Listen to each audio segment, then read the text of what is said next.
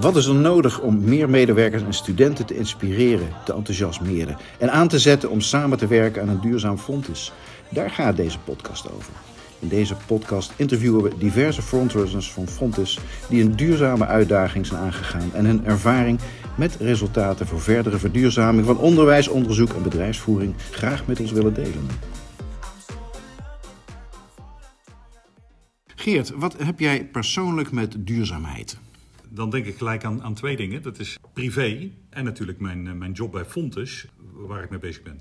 In mijn privéleven is het best wel dubbel. We doen er heel veel aan. Denk aan uh, zonnepanelen, bankieren bij de Triodos Bank, hybride auto, mijn energie bij van de bron, uh, dus het, het groene energie.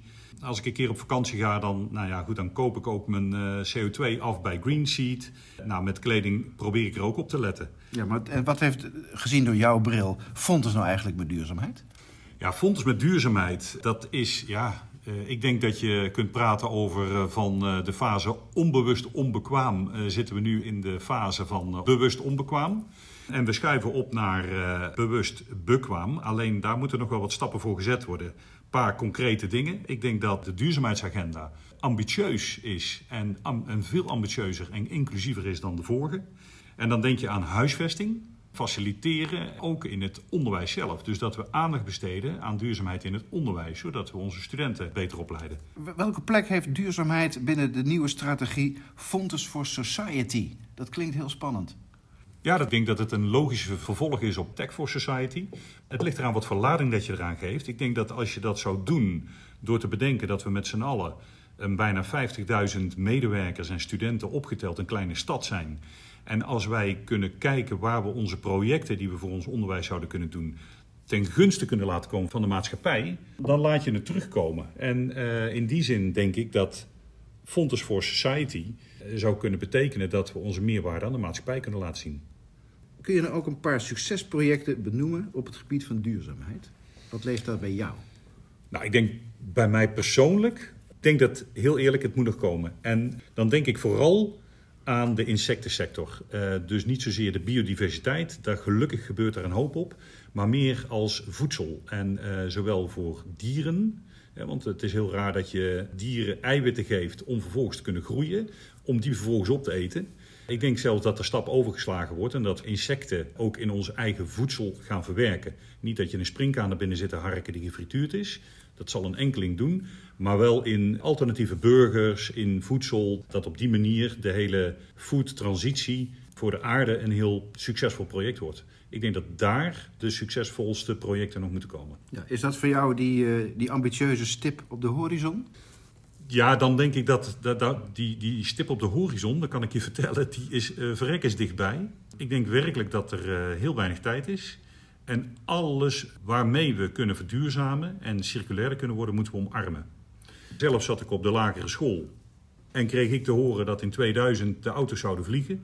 Nou, als we nu uh, ongeveer in dezelfde tijdstraject zeggen dat we in 2050 een circulair continent willen zijn, ja, dan is er geen stip meer op de horizon. Dan moeten we gewoon vandaag aan de slag. Praat je over Fontes, dan zou mijn stip op de horizon zijn. Dan zou ik helemaal blij worden als elke student in zijn eindproduct naast de financiële impact ook de sociale en ecologische impact moet laten zien.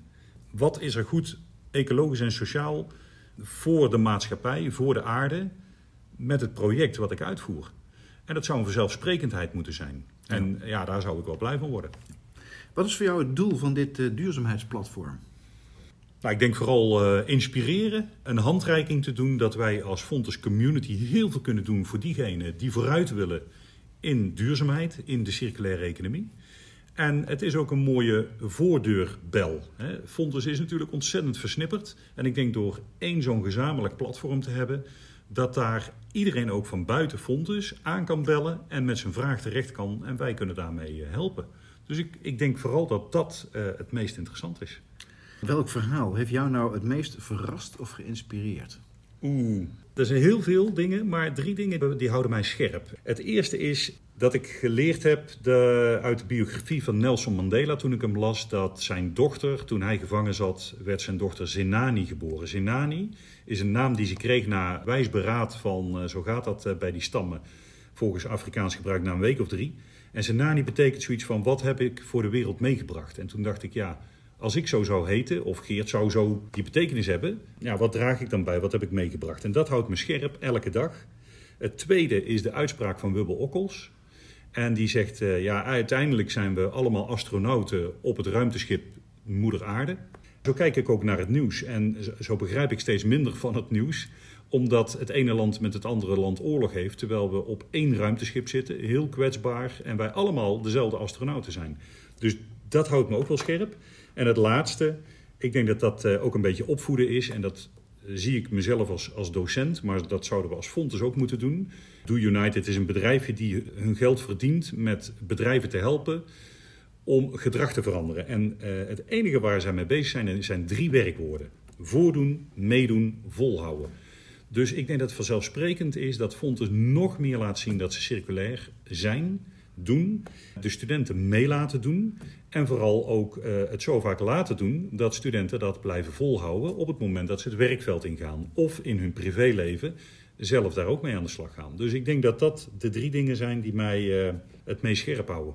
Dan ter afsluiting, hoe hoop jij dat het duurzaamheidsplatform van Fontis zich het komende jaar gaat ontwikkelen?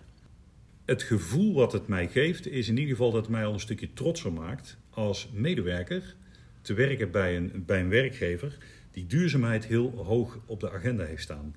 De voorbeelden die er komen en de hulp die we daarmee kunnen aanbieden, dat stemt mij vooral blij. En ik hoop dat we daarin in de Brainport-regio, wat toch wel bijna ons gebied is waarin we werken, dat we daarmee uh, heel veel studenten kunnen opleiden en zaadjes kunnen planten op die manier. Want die gaan allemaal bij bedrijven en organisaties werken. Dat Fontes daar aan de basis heeft gestaan. Ik hoop dat we dat uh, kunnen helpen, dat we iedereen kunnen meekrijgen. Maar het is een hele lastige vraag, Bas. Ja, Geert, hartelijk dank voor jouw bijdrage aan deze podcast Fondses for Sustainability.